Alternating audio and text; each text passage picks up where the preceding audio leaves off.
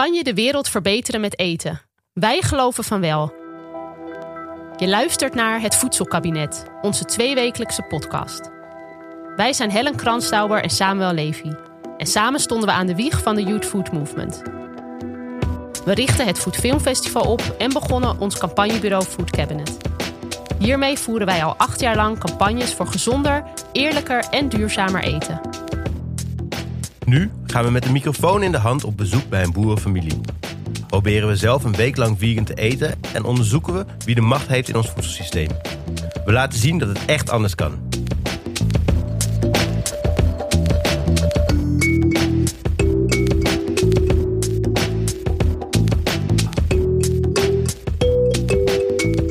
Voor echte verandering heb je positieve, ambitieuze en getalenteerde mensen nodig. Mensen die de theorie in praktijk brengen en laten zien dat het echt anders kan. Wij zijn ooit zelf de Youth Food Movement gestart en organiseerden jarenlang een foodfilmfestival. Gewoon dingen gaan doen was en is nog steeds ons motto. In deze aflevering gaan we in gesprek met twee optimistische voedselveranderaars die met hun initiatieven bijdragen aan een beter voedselsysteem. In onze podcast zijn we op zoek naar hoe je de wereld kunt verbeteren en veranderen met eten. En ik ben ervan overtuigd dat dat kan. En gelukkig zijn er heel veel mensen met ons. Uh, er zijn heel veel thema's waar aan gewerkt kan worden. En je ziet eigenlijk dat er op al die thema's initiatieven zijn die op hun eigen manier iedere dag proberen het systeem te veranderen. En heel veel van die initiatieven die worden ondersteund door Stichting Doen. Onze podcast wordt ook uh, gesteund door Stichting Doen. Daar zijn we heel blij mee. En wat ons leuk leek is om eens in te zoomen op twee initiatieven om te kijken waar die nou eigenlijk mee bezig zijn. Ja, en sowieso, eh, gewoon in alle afleveringen, denk ik, hebben we gezien hoe belangrijk het is dat mensen zich inzetten voor verandering, maar dat ook echt in de praktijk brengen. Uh, dus dat je niet blijft hangen in de theorie en wat er allemaal uh, zou moeten gebeuren. Daar hebben we natuurlijk heel veel over gehoord. Maar dat er ook vooral mensen zijn die gaan ondernemen, die projecten bedenken, die uh, via verbeelding. En dat is ook wat denk ik in de, in de projecten van de mensen die we zo meteen gaan spreken heel erg terugkomt. Dat mensen echt met creativiteit en verbeeldingskracht uh, zo'n project opzetten. En ik denk dat we dat vooral ook hard nodig hebben. Dat we een beetje weggaan van die theorie en vooral mensen meenemen in hoe de wereld er anders uit kan zien. Ja, ja want inderdaad, er zijn gelukkig wetenschappers en mensen bezig die nadenken over hoe je de wereld verandert. Uh, maar om dat dus echt te gaan doen, daar heb je ja, ondernemerschap voor nodig.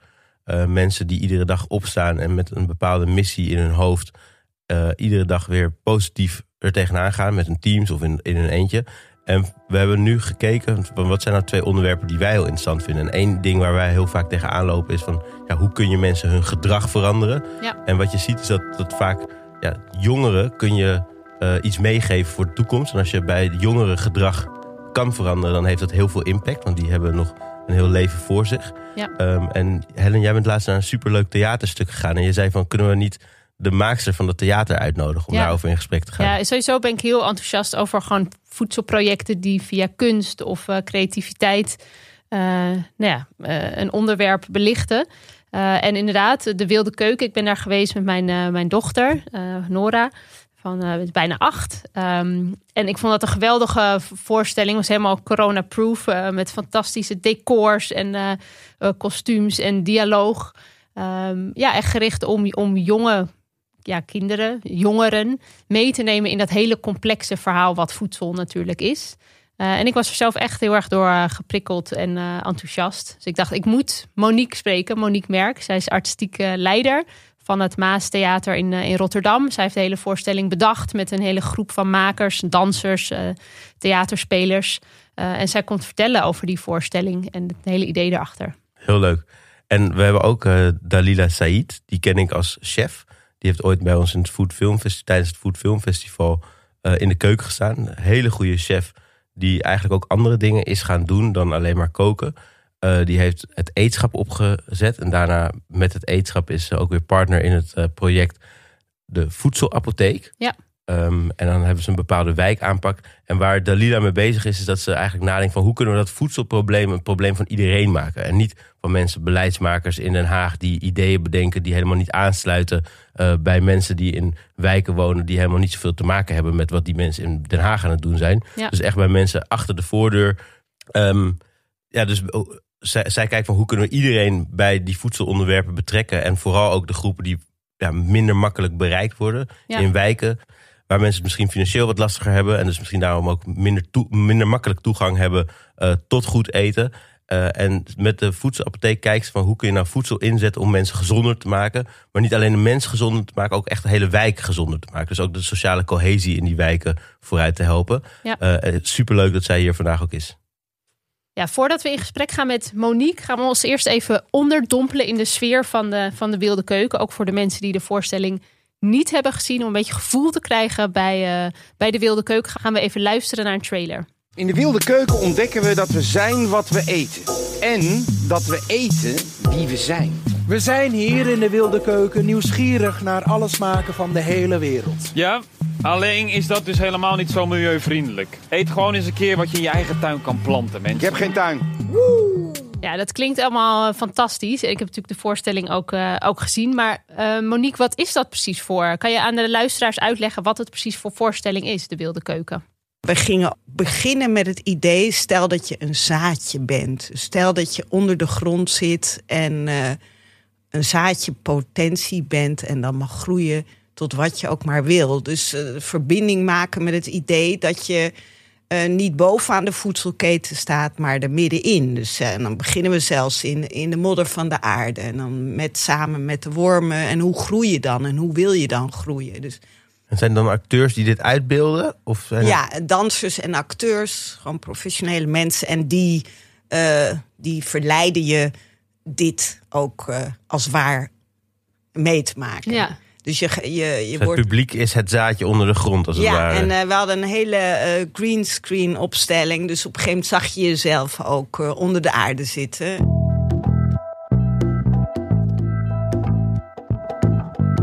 Monique en Helen kunnen natuurlijk heel enthousiast over deze voorstelling vertellen, omdat die hem hebben gemaakt en gezien. Ik als ja, toch een soort van buitenstaander in dit gesprek, want ik heb het niet gezien, vraag me dan toch af hoe worden kinderen bij de hand genomen en eigenlijk in die wondere wereld van voedsel meegenomen. En ja, hoe hopen we dan ook dat hun gedrag wordt veranderd? Helen, kan jij daar iets over vertellen? Ja, zeker. Ik denk wat ook wel belangrijk is, wat volgens mij Monique ook zei, dat het theaterstuk was echt een uitkomst van een eh, onderzoeksproject. Ook wat zij twee jaar lang hebben gedaan met allemaal scholieren op allemaal verschillende scholen. Eh, en vooral ook uit de gesprekken met al die kinderen van wat is je lievelingseten? Eh, wat vind je het eten waar moeilijk vanaf kan blijven? Of wat is het eten wat je vanuit je familie heel erg hebt meegekregen? Ehm, of wat denk jij dat je in de toekomst gaat eten? En eigenlijk al die input is verwerkt in de voorstelling. En Ehm, ja, Monique vertelde ook van het is niet haar bedoeling om die kinderen iets op te leggen of zo. Van hè, dit, dit is hoe je zou moeten eten of dit is hoe de toekomst eruit ziet. Maar vooral ook echt om te prikkelen. Dus om ze ja, een beetje te bombarderen eigenlijk met gedachten, met, eh, met ideeën. Eh, om vooral nou ja, dat zaadje eigenlijk ook te planten en een soort interesse te, te kweken in, in, in voedsel. Ja. En dat kinderen er zelf uiteindelijk over na gaan denken. Dus niet om allemaal al antwoorden te geven. Uh, maar vooral om ze ja, uh, te inspireren eigenlijk. Maar en hoe gebeurt het dan? Want kinderen komen binnen. Is het dan Ja. in een gewoon een klassieke theaterzaal? En hoeveel acteurs staan er op Ja. podium? Of is er helemaal geen podium? Nee, er waren iets van tien uh, dans, want het is eh, gecombineerd dans en uh, acteurs. Uh, een stuk of tien waren het er. En de voorstelling begon eigenlijk met een soort ja, een vragenvuur wat op het publiek werd afgevuurd met alle ja, vragen die je kan hebben over eten. Van, is biologisch nou gezonder dan gewo een gewone kropsla? Of Ja. eten we in de toekomst nog wel vlees? Is zelfgekweekt eten beter dan eten uit de supermarkt? Nou ja, gewoon eigenlijk alle vragen die je misschien zelf ook wel hebt, gewoon als, uh, uh, als, uh, als consument. Vervolgens was er nog een, een tweede acte, dat is waar, waar Monique zo enthousiast over vertelde, wat heel erg gaat over het groeiproces van eten. Om te laten zien dat eten begint bij een zaadje en wat er dan uit, uit voortkomt. En het was dus heel grappig gedaan dat je, nou ja, je zag jezelf op een groot videoscherm verschijnen uit de grond. Dus er werd ook heel veel gebruik gemaakt van, van video en audiovisuele technieken. En eigenlijk de afsluiting van de voorstelling ging uh, van over het eten in de toekomst en waar we misschien allemaal afscheid van zouden moeten gaan nemen. Bijvoorbeeld vlees of onze verslaving die we hebben aan koolhydraten en, en chips. Eh, en de kinderen werden toen zelf onderdeel van de voorstelling. Dus die, die schoven zo onder een tafel en die kwamen met hun hoofd eh, ja, in de tafel terecht met zo'n mooie schaal. Hoe noem je dat? Die in restaurants hebben, weet je wel? Zo'n Ja, zilveren, zo'n zilveren... afdekschaal. En, en die scène ging heel erg over ja, je eigen voedselkeuzes en je eigen eetgedrag. En eh, nou, er werd nog een varkentje alsof geslacht. En eh, ehm, nou ja, Terug naar Monique. Dan heb je dus het groeiproces. Dus eh, je bent eerst dat zaadje onder de grond. En dan, eh, nou, sommige zaadjes eh, die overleven dat niet. Dus die komen niet naar boven. Helen, kwam je naar boven? ik, ja, ik was, eh, ik- ja, althans, ik zat volgens mij wel, eh, ik had Ja, wel die- potentie. Ja, Ja. potentie. Gelukkig. En dan op een gegeven moment, eh, de- nou ja, dan, dan word je meegenomen. En de acteurs spelen dat ook voor een deel. Dat ze eh, nou, een verleidelijk bietje worden. Of je wordt een droevige pastinaak. Ja. Ja. Want kan je iets meer vertellen over waarom eh, deze voorstelling? Wat was jullie gedachte om dit echt te gaan doen? Eten, dat komt zo vaak terug eh, eh, bij ons. Want wij zijn acteurs en dansers, maar wij hebben ook heel veel eh, educatiemensen. Dus wij werken ook in scholen. Dus we werken in het theater en in scholen. Ja. En dan kom je heel vaak tegen dat er, eh, nou ja, die worsteling met eten eigenlijk. Op allerlei manieren. Dus, eh, dus van eh, eet eh, anorexia in het theater is dat bijvoorbeeld een groot onderwerp. Nou, er zijn ook weer juist heel veel mensen die overgewicht hebben. Dus er zijn dus van, van anorexia tot overgewicht, tot eetangst, tot eigenlijk eetonbewustzijn. Ja. Dus er wordt eigenlijk. eh eh, wij hadden een voorstelling waarin we een venkel ophielden en dat niemand wist wat dat was. Dus je komt, je komt eigenlijk tegen dat er is zoveel. ehm, eh, ja, niet weten. Wat ik logisch vind. Want nou ja. Wie eet er hebben- nog een venkel tegenwoordig? Ja, het is ook best wel moeilijk. Ik heb er vanmorgen eentje snel gekocht. Ik had er eentje nodig. Maar, ehm, en, maar- maar, en, want is de gedachte van de voorstelling dus educatie...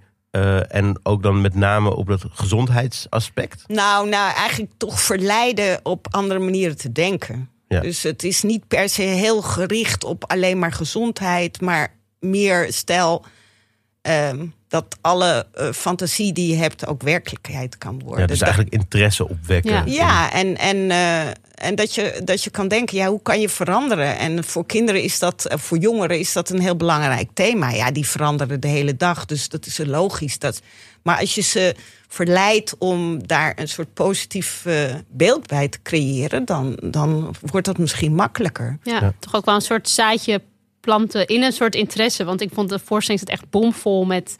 Ja, het, het echt, ging echt over van alles. Over vlees eten of verslaafd zijn aan koolhydraten. Of inderdaad, nou ja, die kruising van die groentes. Of het zelf eh, kweken van, van eten in je tuin. Ik bedoel, volgens mij echt alles zat erin. Wij zijn natuurlijk ook al heel lang met voedsel bezig. Maar het was echt, ik dacht, wow. Dit is een soort van alle complexiteit die, met, die, ja, die omgeven is zeg maar, bij dit onderwerp. Dat, dat zat er wel op een of andere manier in. Ik denk ook dat iedereen er ook wel weer wat anders dus ik wilde, uithaalt. ik Of, wil gewoon ja. prikkelen en, en, eh, en dat je lol krijgt in, in het ontdekken. Ja. En, en dat je ook eh, denkt, hoe ik, doe ik het eigenlijk? En is daar nog iets aan eh, toe te voegen? Of, eh, Ja, want je zegt dat je er twee jaar mee bezig bent geweest. Want er is denk ik een heel onderzoek aan vooraf gegaan. Kun je iets vertellen over dat bredere project? we maken die voorstellingen, maar we doen ook onderzoek met jongeren. En dat is denk ik eh, wat mij ook eh, nog meer de ogen opende. Hoe weinig eh, jongeren weten van eten. Dus dat hebben we gedaan ook op scholen. En dan verschillende leeftijden. Met kleinere kinderen, met middelkinderen, middelbare school. En En, hoe- dan wat oudere kinderen. Want hoe gaat zo'n onderzoek in zijn werk? Nou, dan ga je naar, dan zeg je, heb je bijvoorbeeld een week, een werkweek. En dan begin je, kom je met een team docenten. En dan ga je beginnen in dit geval met een proeverij, eh, geblinddoekt. Nou, dat vinden ze al allemaal heel doodeng. Dat durven ze bijna niet. Er is iets in je mond steken wat je niet kent. Stel je voor dat je een spruitje in je mond krijgt. Ja, en, de- en, eh, ja, dus, en dat we hadden wel echt best wel mild gedaan. Maar nou ja, dus dat, proeverij. Dan, dan hadden we eh, een opdracht dat je zegt, je maakt een bord, je bord als canvas. Eh, je, dat is als een schilderij. Eh, hoe had je als kind, hoe eet je nu en hoe wil je in de Hm. toekomst eten. Ja, dus maakten ze kunstwerken. En dat soort dingen vinden, eh, dat werkt heel goed. Ja. Ja. Je, je verzint, eh, laten we zeggen, beeldende theatrale eh acts. Eigenlijk waarmee je ze verleidt om eh, meer te doen dan alleen maar let op, zo hoort het. Ja, ik vind het jammer dat ik nu niet eh, meteen naar die voorstelling van Monique kan. Dus ik hoop heel erg dat die in reprise gaat. Zodat ik eh, ja, misschien als Ayla iets ouder is, gewoon toch nog een keer het helemaal kan meegemaken.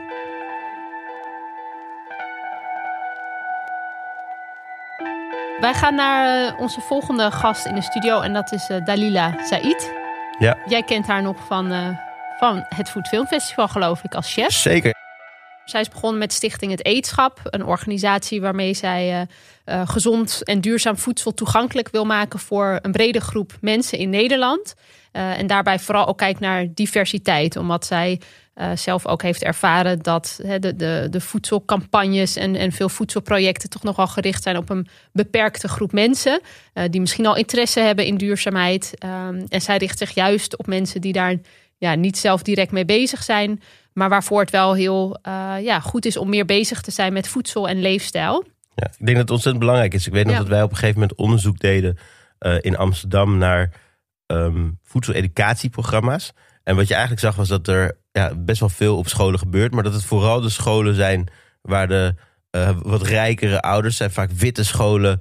ehm, ja, die, die hebben op een of andere manier, omdat ze ook meer hulp krijgen van de ouders, ruimte. En krijgen, hebben ook meer geld over. En geven dat ook uit aan voedseleducatie. En dat is superleuk. Ehm, maar toen we gingen kijken, waren het juist de scholen die het wat moeilijker hebben en die een wat ingewikkeldere populatie hebben, die eigenlijk ook dat heel goed konden gebruiken. Omdat je zag dat daar problemen als overgewicht, eh, maar ook eh, ja, gewoon problemen met hoe de energie in de klas is, vaak een groter probleem is. Ehm, kinderen die zonder lunch naar school kwamen. Eh, en eigenlijk zou dus juist die scholen zou je de kinderen iets willen meegeven. En dat is een beetje wat Ja. Dalila doet. Die gaat in, in de wijken waar kinderen wat meer afstand hebben tot dit soort thema's. eh, daar de wijk in en echt met ouders en kinderen aan de slag. Ja, laten we met eh, kijken of we van Dalila kunnen horen wat ze precies doen.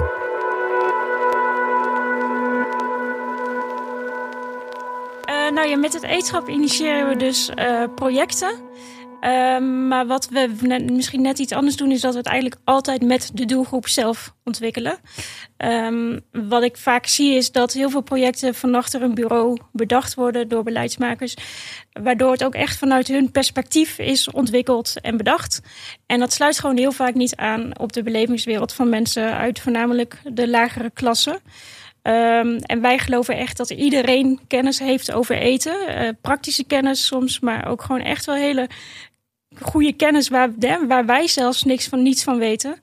Ehm, en die kennis, dat, die, dat zetten wij eigenlijk juist in om te werken aan, aan, aan Ja. die voedselvraagstukken. Maar Doe ook je dat ook- sociale vraagstukken. Doe je dat ook veel met, eh, Monique noemde het net gericht op, op jongeren, eh, kinderen. Is dat ook een groep waar jij veel mee werkt? Eh, ja, we hebben eigenlijk per project verschillende doelgroepen. Maar we hebben ook een project, de- de Coke Challenge, waarin we ons echt richten op die doelgroep 9 tot 12, 13 jaar. Ja, en die zijn ook nog goed kneedbaar. Ja, een leuke groep gewoon- om mee te werken. Ja, maar ook gewoon heel enthousiast. Dat is, ik vind het echt heel leuk om met die groep te werken. Ja. En hoe is jouw eigen interesse in eten ontstaan? Had je dat ook al vanaf kinds af aan? Of is Nee. dat gegroeid? Of wa- was er een moment dat je opeens interesse kreeg? Nou, nou, nee, er was nooit echt een hele grote interesse in eten.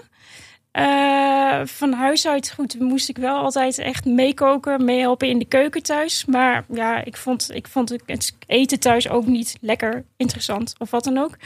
Eh, Lag het aan jou of aan degene die voor je kookte? Het laatste. Oh, ja. ja, mijn moeder was gewoon echt geen held in de keuken. Die vond het ook gewoon niet leuk in de keuken te staan. Ehm, totdat ik op het VBO zat en echt een keuze moest gaan maken. Want nou ja, dan moet je al, als je 14 bent, moet je al gaan kiezen. Oh, eh, welke richting ga, ik- ga ik op? Geen flauw idee wat ik wilde gaan doen. En het was eigenlijk mijn moeder die zei: Ja, misschien moet je maar eens gaan koken. Want Probleem opgelost dat jullie thuis hadden. Die dacht, Precies. mooi. Dan kan jij thuis lekker koken voor het gezin en dat soort dingen. Eh, maar ik had er wel heel snel zoiets van, nou, oké, nou, dat, dat spreekt me wel aan, het koken. Maar dan niet thuis, maar juist gewoon in een professionele keuken. Dus dat heb ik uiteindelijk ook gedaan. En nou ja, doordat ik gewoon echt met eten bezig was. En ja, toen is ook echt wel die passie ontstaan Ja. voor eten. Ja. En wanneer is dat sociale stuk daar dan bijgekomen? Eh, dat is wel echt wel tijdens mijn studie, denk ik. Eh, ik heb food design gestudeerd in Den Bosch. Eh, en ik was al wel heel veel bezig met nou ja, waar ons iets vandaan komt, hoe het gemaakt wordt, wat erin zit en dat soort dingen. Ik werd, ik werd daar heel actief in. Ook bij, nou, zo hebben we elkaar natuurlijk ook leren kennen bij het Food Film Festival. Ehm, maar ik merkte ook wel heel erg dat de mensen waar ik uit mijn omgeving, dat dat gewoon dat dat een hele andere wereld was dan de wereld waar ik zelf vandaan kom. En ehm, dat vond ik ergens, ja, dat was, ik weet niet, het was heel dubbel. Ik vond het echt wel heel leuk om in allebei die werelden te zitten. En ik leerde daar heel veel, veel mensen, maar ook gewoon überhaupt van alles. Eh, maar ik vond het, ik zag gewoon dat er een enorme kloof was tussen die twee werelden. De werelden waar ik zelf vandaan kom. Eh, nou, in armoede opgegroeid, Marokkaans gezin, alleenstaande moeder, zes kinderen. En dan zit je in een wereld waar iedereen op wat hoger niveau bezig is met voedsel. En eh, soms ook wel op een wat belerende manier. En dat vond ik wel heel lastig, omdat ik echt wel zag van ja, maar ho eens, ho eens even. Mensen zoals uit de lagere klasse, die, die weten ook heel veel. En daar werd, eh, ja, dat werd, daar werd niet naar geluisterd of zo. Of dat werd niet meegenomen of rekening mee gehouden. Dus dat was eigenlijk wel een soort van ja, eh, frustratie of irritatie waar ik, waarvan ik wel dacht, ja, daar moet ik wel iets mee. Ja. En hoe, doe je, hoe integreer jij dat nu dan in jouw projecten? Want jij doet ook wel heel erg veel dingen, eh, zag ik, in de buurt en echt met wijken en met mensen samen. Ja. Uh, hoe zoek jij, ja, hoe zoek je dat op? Of hoe maak Ja. je dat soort projecten? En zorg je er ook voor dat er veel mensen betrokken zijn? Ja, nou ja, ehm, het, het begint altijd met een soort van frustratie waarvan ik denk, oh, hier moet ik iets mee. En dat uiteindelijk leidt dat tot een idee, maar gewoon echt een heel vaag idee. Ehm, en dan ga ik uiteindelijk gewoon met mensen in gesprek. Eh, ik ga altijd, nou ja, goed, mijn werk bestaat vooral heel veel uit met mensen eten, samen eten, drinken, koffie, van, maakt niet uit. Eh, en eh, ik ga gewoon met mensen kletsen. Ehm, over wat hen bezighoudt. En eh, nou ja, bijvoorbeeld als het gaat om de voedselbeteek wijkaanpak, dan, dan is vooral gezondheid is een groot thema. Eh, dus dan hebben we het gewoon over en wat versta jij onder gezondheid? Wat betekent dat voor jou? En eigenlijk kijken we dus heel erg, oké, waar, waar liggen de behoeftes van die mensen? En die liggen vaak gewoon heel erg anders dan gezondheid. Want wij willen met z'n allen wel dat iedereen gezonder gaat eten, maar vooral mensen in armoede die hebben hele andere prioriteiten aan hun hoofd. Eh is vooral korte termijn behoeftes die moeten meteen Ja. vervuld worden. Eh, dus gezondheid, daar is gewoon geen. Ja, dat kost te veel tijd en aandacht en te veel moeite en stress aan de eettafel met kinderen en zo die geen groente willen eten. Dus die, die behoeftes, die eh, soms ook latente behoeftes, die, die halen we op. En we kijken eigenlijk. nou ja, de behoeftes aan de ene zijde halen we op bij de mensen uit de wijk bijvoorbeeld, maar ook behoeftes bij beleidsmakers. En we kijken eigenlijk als ontwerpers hoe kunnen we dat juist met elkaar rijmen en zodat daar iets eh, uit ontstaat waar iedereen wat aan heeft. Ja, hoe ziet dat er concreet uit? Want je zegt, we gaan met mensen in gesprek. Waar gaan jullie met mensen in gesprek? Hoe komen jullie aan die mensen? Wat doen jullie dan inderdaad concreet met die input die daaruit komt? Wat we in eerste instantie doen, we gaan eigenlijk altijd op zoek naar sleutelfiguren in de wijk. Want er Ja. zijn altijd wel mensen die eh, iedereen kent in de wijk. Of andersom, die op de hoogte is van iedereen die in de wijk woont. Kan je zo'n voorbeeld geven van zo'n sleutelfiguur? Wat voor Ja, dat kan, dat kan de, een woonconsulent zijn, een wijkagent. Maar dat kan ook gewoon de grote roddel, grootste roddelaar zijn. dat, dat is echt... eh, En die- een winkelier die iedereen kent of zo uit Ja. de straat. Ja. Ja, dat, dat kan echt van alles zijn. En als je gewoon in zo'n wijk rondloopt, wandelt, dan heb je dat, nou ja, niet na één keer, maar wel na een paar keer heb je dat wel door. En daar ga je gewoon over in gesprek. En dan hoor je weer andere verhalen van die en andere verhalen van andere mensen. En eh, zo wordt die kring steeds groter. Ehm, ja, en zo halen we uiteindelijk ook gewoon op wat er nou speelt in die wijk. Maar kan zo'n, zou het dan kunnen zijn dat zo'n sleutelfiguur bij wijze van spreken tegen jullie zegt... nou, dat gezin dat heeft moeite om... eh, want ik zie dat die kinderen eh, overgewicht hebben. Of ik denk dat het daar eh, armoede is en misschien moeten we daar een keer gaan praten. Wat voor informatie krijgen jullie dan?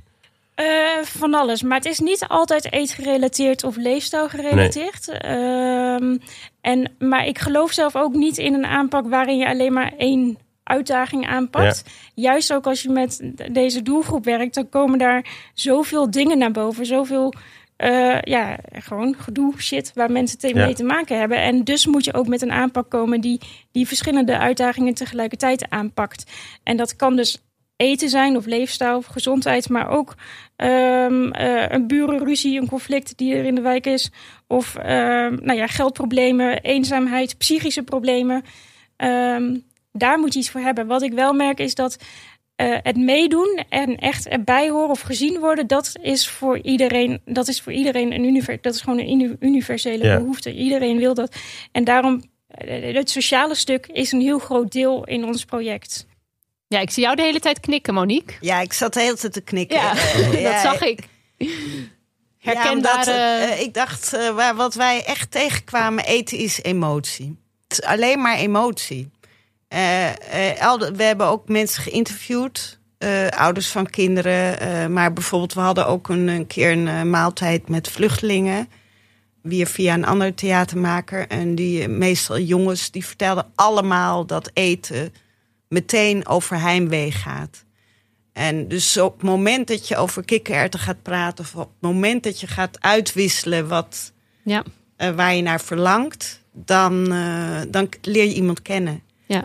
Dus ik, ik was daar ook heel vaak eh, heel erg geraakt... door, eh, door gewoon eh, de grootheid van de verhalen als je begint met eten. ja. Wat er dan allemaal... Nou ja, wat je dan ook... dat hoe je, iemand zegt, kennen. nou, wat had je vroeger? Nou, Ja. happa, dan ben je gewoon drie uur verder als je zou willen. Dus je, je kunt via een verhaal of via iemand gewoon die vraag te stellen...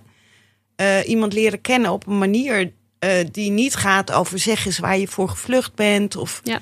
eh, Nee. Dus de breedheid, eh, dat eten een soort van ingang is om mensen eh, te ontmoeten. Dalila, wat is voor jullie de gedroomde uitkomst van jullie project? Nou, wat voor mij wel, kijk, en dat ga je niet in een paar jaar fixen of zo, maar eh, ik denk wel dat alle kleine beetjes helpen. Ehm, dat we gewoon echt wel, dat iedereen de gelijke kansen heeft om op te groeien. Want je kunt je pas echt ontwikkelen als je gezond bent. En nou goed, we weten allemaal wel in hoeverre of hoe groot de invloed van eten is op onze gezondheid.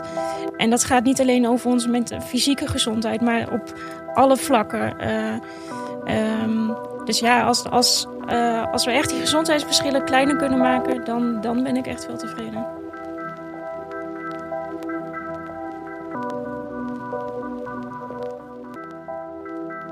Ik vind het werk van Dalila ontzettend interessant en belangrijk. Ehm, vooral ook als je bijvoorbeeld naar de cijfers in Amsterdam kijkt. Als je kijkt in Amsterdam, dan is het bijvoorbeeld zo dat mensen in Zuidoost tot bijna zeven jaar minder lang leven dan, in, dan dat de gemiddelde levensverwachting is in Amsterdam Zuid. Voor een groot deel heeft dat met de levensstijl te maken. En ik geloof er heel erg in dat als je ja, mensen hun levensstijl wil veranderen, dat je bij de jeugd moet beginnen. Dus dat Dalila daar met haar project mee bezig is, dat is heel belangrijk eh, moedigen we aan. Ik eh, denk dat er ook veel andere mensen zijn die ook belangrijke dingen aan het doen zijn eh, op dit onderwerp. We zouden het heel leuk vinden als jullie jullie pro- projecten met ons delen. Ja, en ik hoop dat inderdaad de, de voorbeelden een inspiratie zijn voor als je thuis zit te luisteren en je loopt rond met een projectidee. om dat vooral te gaan doen, daar de juiste mensen bij te betrekken. Ehm, daarbij kunnen we ook eh, tippen dat je eh, Stichting Doen altijd kan aanschrijven. Zij hebben een, eh, een voedselprogramma waarbij ze heel graag voedselinitiatieven steunen. Zowel op creatief vlak, op sociaal vlak, nou ja, op duurzaamheidsvlak met ook een financiële bijdrage. Dus heb je een projectidee, benader hun dan. Ja, want ze kunnen echt helpen. Ze hebben Ja. mogelijkheid om financieel te ondersteunen, maar ze hebben natuurlijk ook een fantastisch netwerk. Dus ze kunnen jou ook koppelen aan mensen binnen het Stichting Doen netwerk. eh, ja, om jouw idee tot uitvoer te brengen en jou te helpen om jouw idee beter te maken en te realiseren. Ja, let's make it work. Oh ja, en we hebben nog iets leuks. We hebben ontzettend veel vragen binnengekregen van de mensen die eerder in onze podcast verschenen, maar ook van luisteraars. En daarmee gaan we naar Den Haag om te praten met de minister van Landbouw, Carola Schouten. Yes, dat wordt onze afsluiter van dit jaar. Dus de volgende aflevering staat over twee weken voor je klaar. En eh, niet vergeten, laat alsjeblieft even een review achter op jouw favoriete podcast-app. Want dan kunnen mensen onze podcast weer makkelijker vinden en kunnen we samen de wereld verbeteren met eten. Thanks.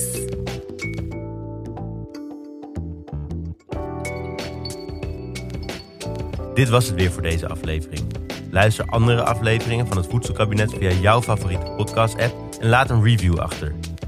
Ja, en verder hebben we nog een leuk laatste nieuwtje. En dat is dat je ons naast ons eigen Instagram-kanaal nu ook kan vinden via vriendvandeshow.nl slash het voedselkabinet. Uh, daarop kan je je uh, reacties achterlaten op onze podcast. Je kan met ons in gesprek. Je kan ons zelfs een high five geven of een kleine donatie achterlaten. Uh, hoeft niet, mag wel. dus kijk even op vriendvandeshow.nl. Dus ga naar de website, volg ons op social media, het voedselkabinet. En dan hoor je ons weer over twee weken.